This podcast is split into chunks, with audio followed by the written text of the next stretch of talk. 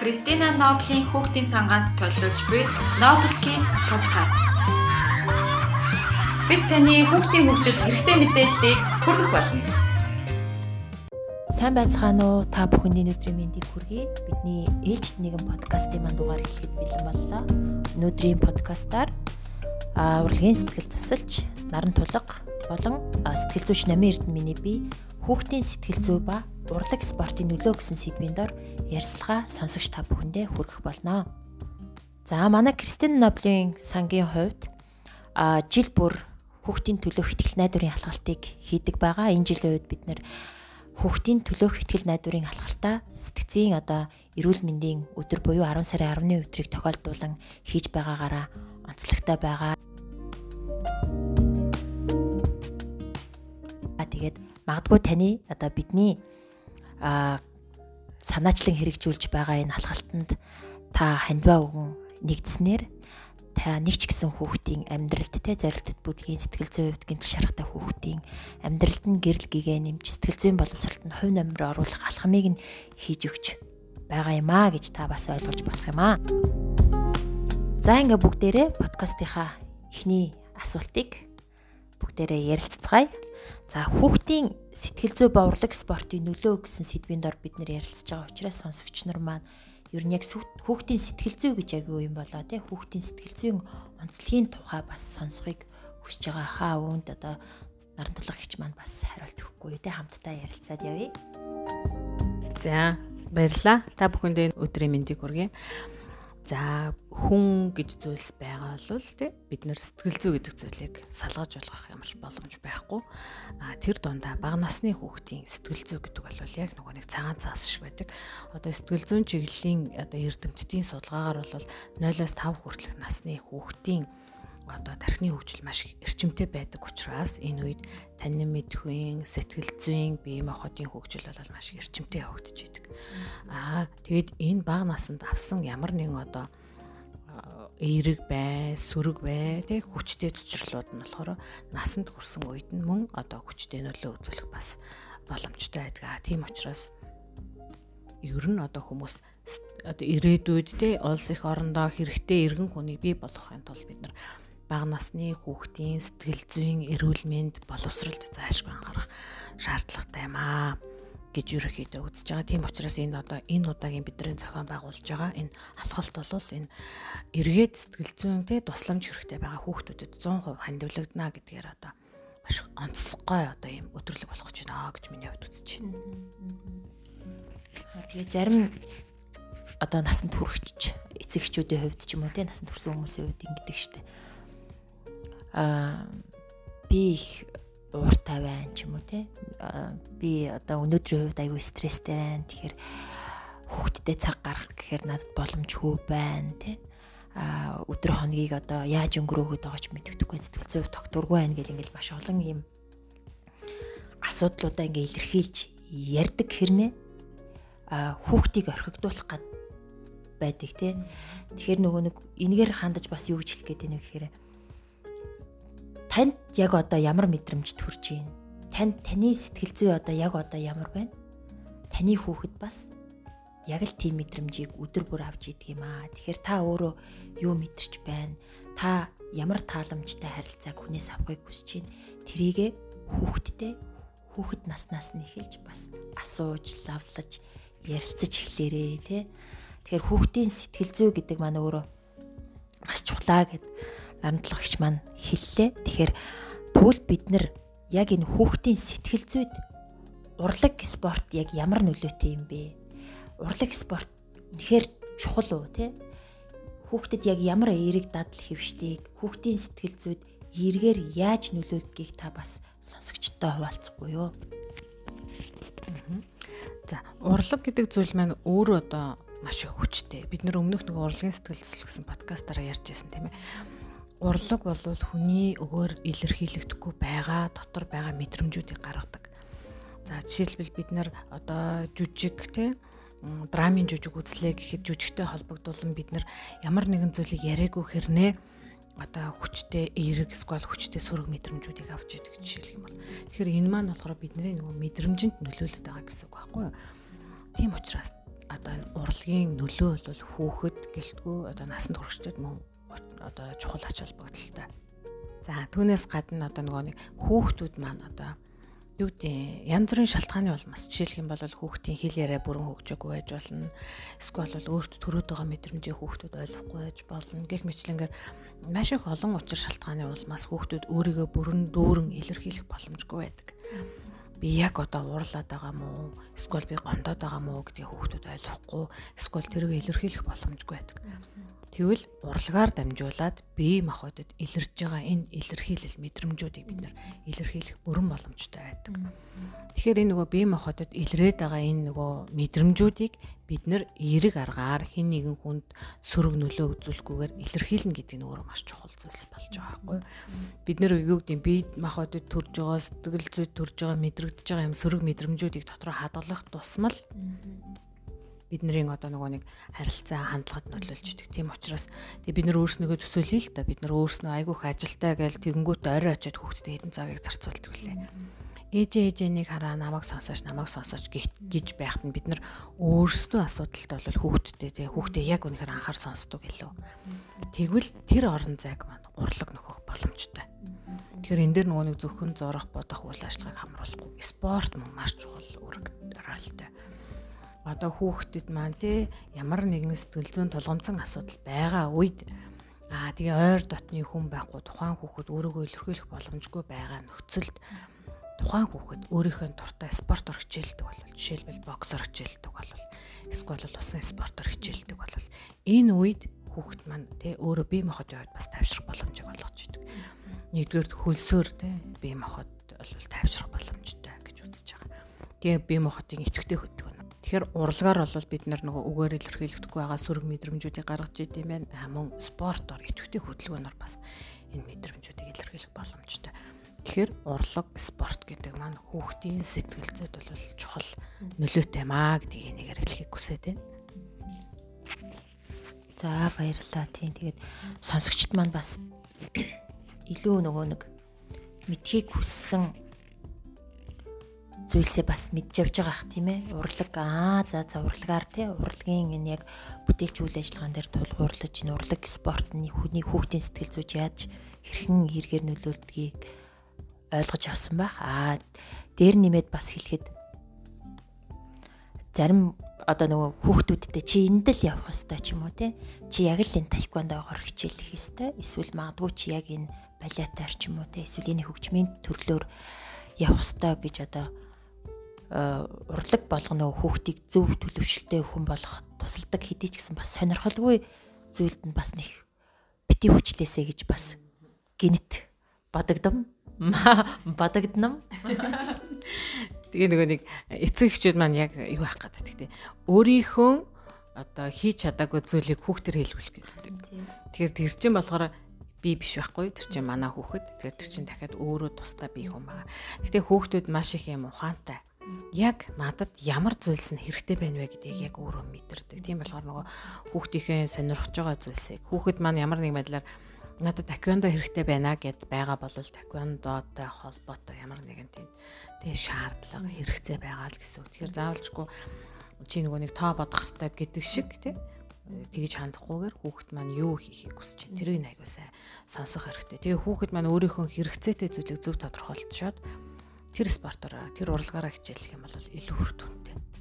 За тэгэхээр одоо дараагийн маань асуулт бол хоёулаа одоо төр хүүхдийн сэтгэл зүй гэдэг асуултаа төр хойшин тавиад хүүхдийн төлөөх ихтгэл найдварын алхалтын маань зорилго нь яг юу юм? Яагаад заавал нөгөө хүүхдийн сэтгэл зүйтэй холбож энийг бас энэ аяныг бас зохион байгуулж байгаа вэ гэсэн асуултанд хоёулаа сонсогчтой хариултыг өгөх чухал баха.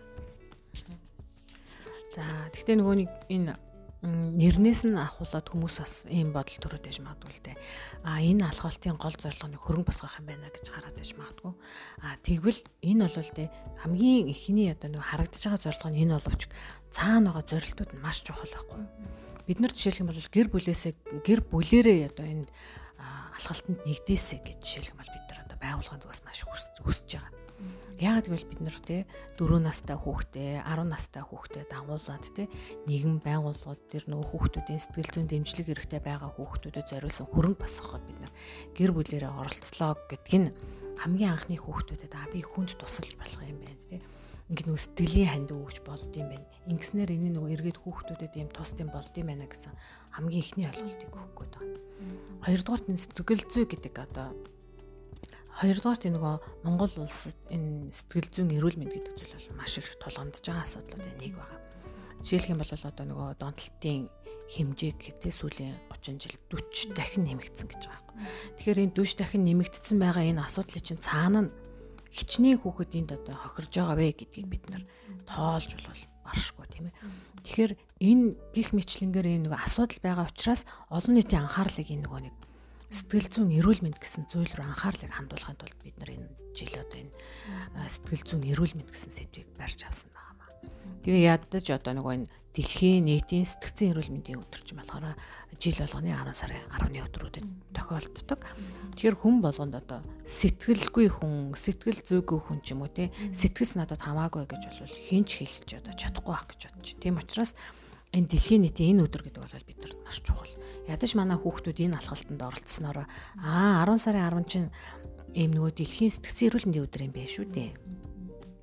Аа тэгээ би энэ алхалтанд оролцсноор тий одоо Монголд байгаа өнчин ядуу сэтгэл зүйн тулгамдсан асуудалтай тий аав ээж нь аав ээж юу гэдэг гэр бүлийн хүчрхийлэлд байгаа хүүхдүүдэд би тусалж байгаа юм байна гэсэн юм нод хүмүүнлэг иргэнийг бий болгоход энэ одоо өдөрлөг маань маш чухал үүрэг оролтой байгаамаа. Тийм тий тэгээд нөө дараагийн нэг бас олон нийтэд өгөх нэг мессеж бол аа биднэрт насанд хүрсэн хойно анхаарах биш тийм ээ хүүхдүүдээ одооноос эхэлж анхаараасай гэсэн бас мессежийг бас өгөх зорилготой бид нэр яг энэ 10 сарын 10-ны өдөр 10 сарын 10-наас 10 10 сарын 16-ны хооронд энэ ивэнтээ зохион байгуулж байгаамаа. Тэгээ магадгүй та таны хувьд ч гэсэн сэтгэл санаа чинь тогтургүй байгаа бол та хүүхдтэйгээ гэр бүлээрээ гараад те хамтдаа алхаад хамтдаа нэг өдрийг өнгөрүүлээсэ гэж бас бид нэр бас хүсэж байгаамаа. Нэг зүйлийг нэг хэлэхэд энэ өдөрлөгт оролцсноороо бид нар заавалжгүй алхах бол биш л те. Тэ? Тэгэхээр энэ дээр нөгөө бид нар гэр бүлээрээ оо заал авдаг болвол болно. Нэг өдөр тий хамтдаа гэр бүлээрээ заалаа аваад тэр зургаа мөн тэ аваад баталгаажуулаад фейсбુક дээр манай манай алхалтыг хаштагийг ашиглаад ингэж оруулж болно. Тэгэхээр энэ нөгөө нэг оролцох спортын төрөл бол хязгааргүй. Өөрийн нөгөө нэг хичээлдэг спортороо бас болно гэдэг байгаа шүү дээ. Заавал алхалт биш. За. За тэгээ энэ сайхан өдөрлөгийн маань үйл ажиллагаанд бас сонсогчдоо тий хамт олноо урайлах эсвэл гэр бүлэрээ ч юм уу тий а мөн найз нөхдөд урайлаад а нэг ч гэсэн хүүхдийн амьдралд магадгүй энэ өдөр та гэр бүлдээ бас маш том үнэтэй хувь нэмрийг оруулна гэдгийг та олж хараасай гэж бас хүсэж байна. За ингээд хоёлаа эргээд хүүхдийн сэтгэл зүй гэсэн сэдв рүүгээ оръё. За тэгэхээр сонсогчдоо а таны хүүхэд магадгүй докторгүй ч юм уу те таны бас сэтгэл санаа докторгүй хүүхдтэйгээ хэрхэн яаж харилцаа мэдэхгүй байгаа тохиолдолд одоо энгийн арга хэмжээнүүдийг яаж авах талаар бяцхан зөвлөмжүүдийг хоёулаа хүргье. За. Энд дээр бол мэдээж маш их олон арга байгаа. Гэтэ би яг одоо энэ удаагийн нэг алхалттайгаа холбож болол ярмаар байна. Тэгэхээр бид нэр үнэхээр те одоо юу гэдэг сүүлийн үед өсвөр насныхаа хүүхдтэйгээ ойлголцохгүй байгаа бол те харилцан яриа үсэх гэдэг хэцүү байгаа бол нэг өдрийг хоёлаа хамтдаа те юу яа ууланд алхая. Эсвэл бол дугууны гээд а тэнгуүтэ нэг өдрийг ингээд нэг зугаатай өнгөрөөлөнгүүт эн чинь бас нэг нэгэн бодлын сайхан дурсамжийг үүсгэж чинь хоёрдугаарт одоо нөгөө биднэрт ярилцах бас нэг сэдвийг гаргаж ирж байгаа байхгүй хоёлаа уулганд ууланд алхаснараа эсвэл дугуй хамтдаа унснараа хөөх өчтөрөөсөө гоё ялаа те. Эсвэл бол хоёлаа дугуй унаад явж байхдаа өө тэрийг араа шинэ байшин баригдсан байж те. Ер нь хичээл сурвалж ямар шуухан байж гэх юм уу. Ингээд яг нөгөө хоёулахнаа цагийг өнгөрүүлэх ингээ боломжийг бий болгож байгаа. Ер нь бол одоо нөгөө нэг хүн бид нар нөгөө хайр халамжийг хүсдэг шүү дээ. Хүн бол уноос л хайр халамжийг хүсдэг. А тэгэхээр одоо ээж аваасаа ч юм уу те асран халамжлагчаасаа заавалжгүй энэ нөгөө ээж аав гэдгийг бол бид нар авахгүй л дээ. Ээж аваагүй хүүхдүүд бас зөндөө байгаа. Тэгэхээр асран халамжилж байгаа хүмүүсээс хайр халамжийг хүсэж байгаа. А тэгээд тэр нөгөө хүсэж байгаа хайр халамж маань бүрэн гүйцэд санагдахгүй байгаа үед ч юм уу тий намайг ойлгохгүй байгаа юм шиг санагдаад байгаа үед л тэнд зөрчил гарах гаддаг. Тийм болохоор бид нэр энэ өдрийг тохиолдуулаад бид нар бас хөөхөн нэг өдрийг яг тэр нөгөө зөрчилдөөнтэй байгаа хүүхдтэйгээ хамтдаа хөөхөн цагийг өнгөрүүлээд ярилцаад одоо нэг тийм харилцаа үүсгэх одоо инхний алхам бас болгож болно. За эсвэл бол бид нар нөгөө нэг хүүхдийнхээ дуртай хөгжмийг сонсоод жишээлх юм бол хамтдаа бүжгэлж болно. Эсвэл бол одоо гэж яахгүй манай нэг хамаатны хүүхэд дүүтигээ хоёлаа өдөр гэрээ зэрэлд юм байна л да. Гэхдээ одоо нөгөө сүүлийн үеийн гоё дуунуудыг айгу чангаар тавьчихж байгаа. Тэгээ хоёлаа бүжиглэнгээ гэрээ зэрэлдэг гинэ. Тэгэнгүүт тэр чи одоо тэгэл ээж аавда те өө өглөөс ийм дуу сонсоод ингээд тэгэл. Тэгэхээр тэр хоёр хүүхдийн харилцааг бас илүү их ортуулж өгч байгаа байхгүй. Тэгэхээр бид нар нөгөө хүүхдийн сэтгэл зүй эсвэл бол би хүүхдээ хэрхэн ойлгох уу ч гэдэг юм ингээд нөгөө асуудлуудыг ярихаар бид нэр айгүйх том юм шиг ингээд нөгөө нэг хараад идэг. Тэгхгүйгээр айгүй жижигхэн тэ сонирхолтой зүйлсээс өсвөлчж бас болж байгаа болно. Тийм тий. Энгийн зүйлээс гайхамшиг төрдөө гэж бас ярьдаг штэ хүмүүс.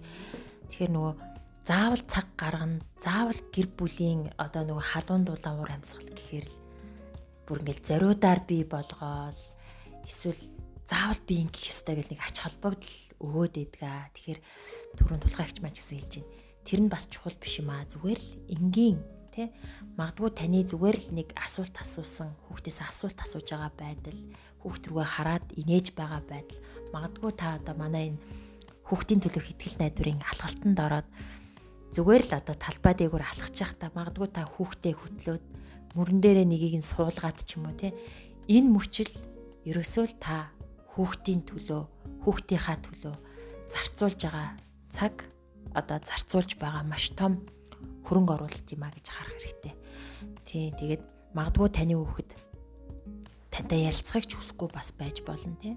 Таач бас одоо ганцаараа байхыг хүсэж иж бас болох юм. Тэгвэл энэ үед нөгөө а хамтдаа одоо нэг гэр бүл хамтдаа байхдаа хүчтэй ч юм уу те эсвэл магадгүй та ганцаараа байхыг хүссэн ч дуртай дуугаа алах одоо нөгөө нэг сонсоод алхах эсвэл хин нэгэнтэй хамт байхыг хүсэж байгаа бол тэр хүнтэйгээ тэр өдрийг бас өнгөрүүлж болох юм аа тий.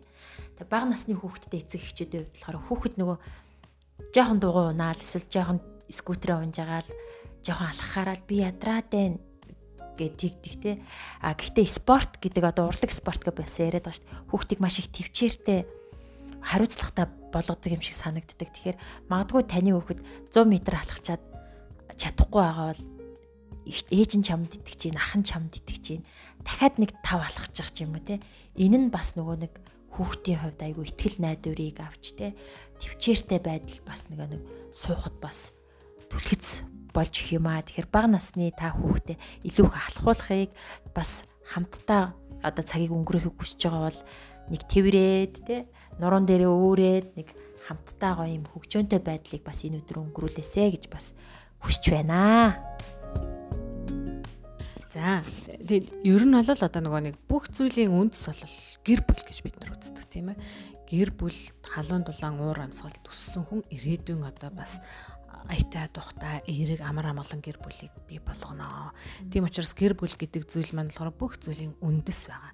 Тэр хүний ямар хүн болж хүмүүжих юм те юу хийж бүтээдэг хүн болох юм, хүний хэр хайрладаг хүн болох юм те энэ бүх зүйл маань гэр бүлд энэ хүүхдийн бүх одоо төлөвшөл бий болдгоо. Тийм учраас энэ нөгөө гэр бүл гэдэг байгаа зүйл бол маш чухал. Бүх зүйлийн үндсэн цэг те үндсэн эхлэл байгаа. Тэгэхээр одоо энэ манай одоо 10 сарын 10-наас 16 оны хооронд зохион байгуулж байгаа хүүхдийн төлөө ихтгэл найдварын алхалтанд гэр бүлэрээ нэг дээд нэг өдрийг тий ая тухтай амгалан сэтгэл зүйн хувьд амар амгалан тэгээд нэг хүүхдүүдэд зориулсан хамтдаа нэгэн сайхан зүйлийг хийсэн ийм нэг юм эерэг дурсамжийг бий болгосон өдрүүд байгаасай гэж одоо манай байгууллагын зүгээс одоо хамгийн том одоо зорилго гэдэг юм уу да тий зорилго нь энэ байгаамаа. Тийм учраас энэ ихтгэл найдварын төлөөх 7 хоногийг ашиглаад гэр бүлэрээ хамт олноороо бүгдөө нэгэн сайхан эерэг дурсамжийг бүтээгээсэй гэж хүсэж байна. За ингээд бидний ярилцлагын хамт одоо идэвхтэй сонссон та бүхэндээ баярлалаа. Тэгээ манай үүсгэн байгуулагч тийм 1997 онд яг энэ Кристино Нобелийн хүүхдийн сангийн суурийг тавьж байсан энэ Кристино Нобель гэдэг гайхамшигтай хүн маань би хүүхэд наснд итгэдгээ гэсэн энэ сайхан үгийг бас хэлдэг. Тэгэхээр энэ үгээр өнөөдрийнхөө ярилцлагыг бас өндөрлөё гэж бодож байна. Тэгээд энэ сайхан алхалтын төлөө те энэ одоо таны өгсөн хандив тусламжийн одоо нөлөөгөөр хүүхдийн сэтгэл зүйн боловсралд тэр ялангуяа бүтэн үнчин хагас үнчин зорилтод бүлгийн нэгч гэсэн хүүхдийн сэтгэл зүйн боловсралыг та дээшлүүлэхэд сэтгэл зүйн боловсролыг нь эргээр тэ нэмэгдүүлэхэд тухайн хүүхдийн өөртөө итгэх итгэл одоо өөрийгөө илэрхийлэх боломжинд нь та маш том хөрөнгө оруулалт хийж байгаа шүү гэж бас дахин дахин хэлмээр байна. Ингээд бидэнтэй хамт байсанд баярлалаа.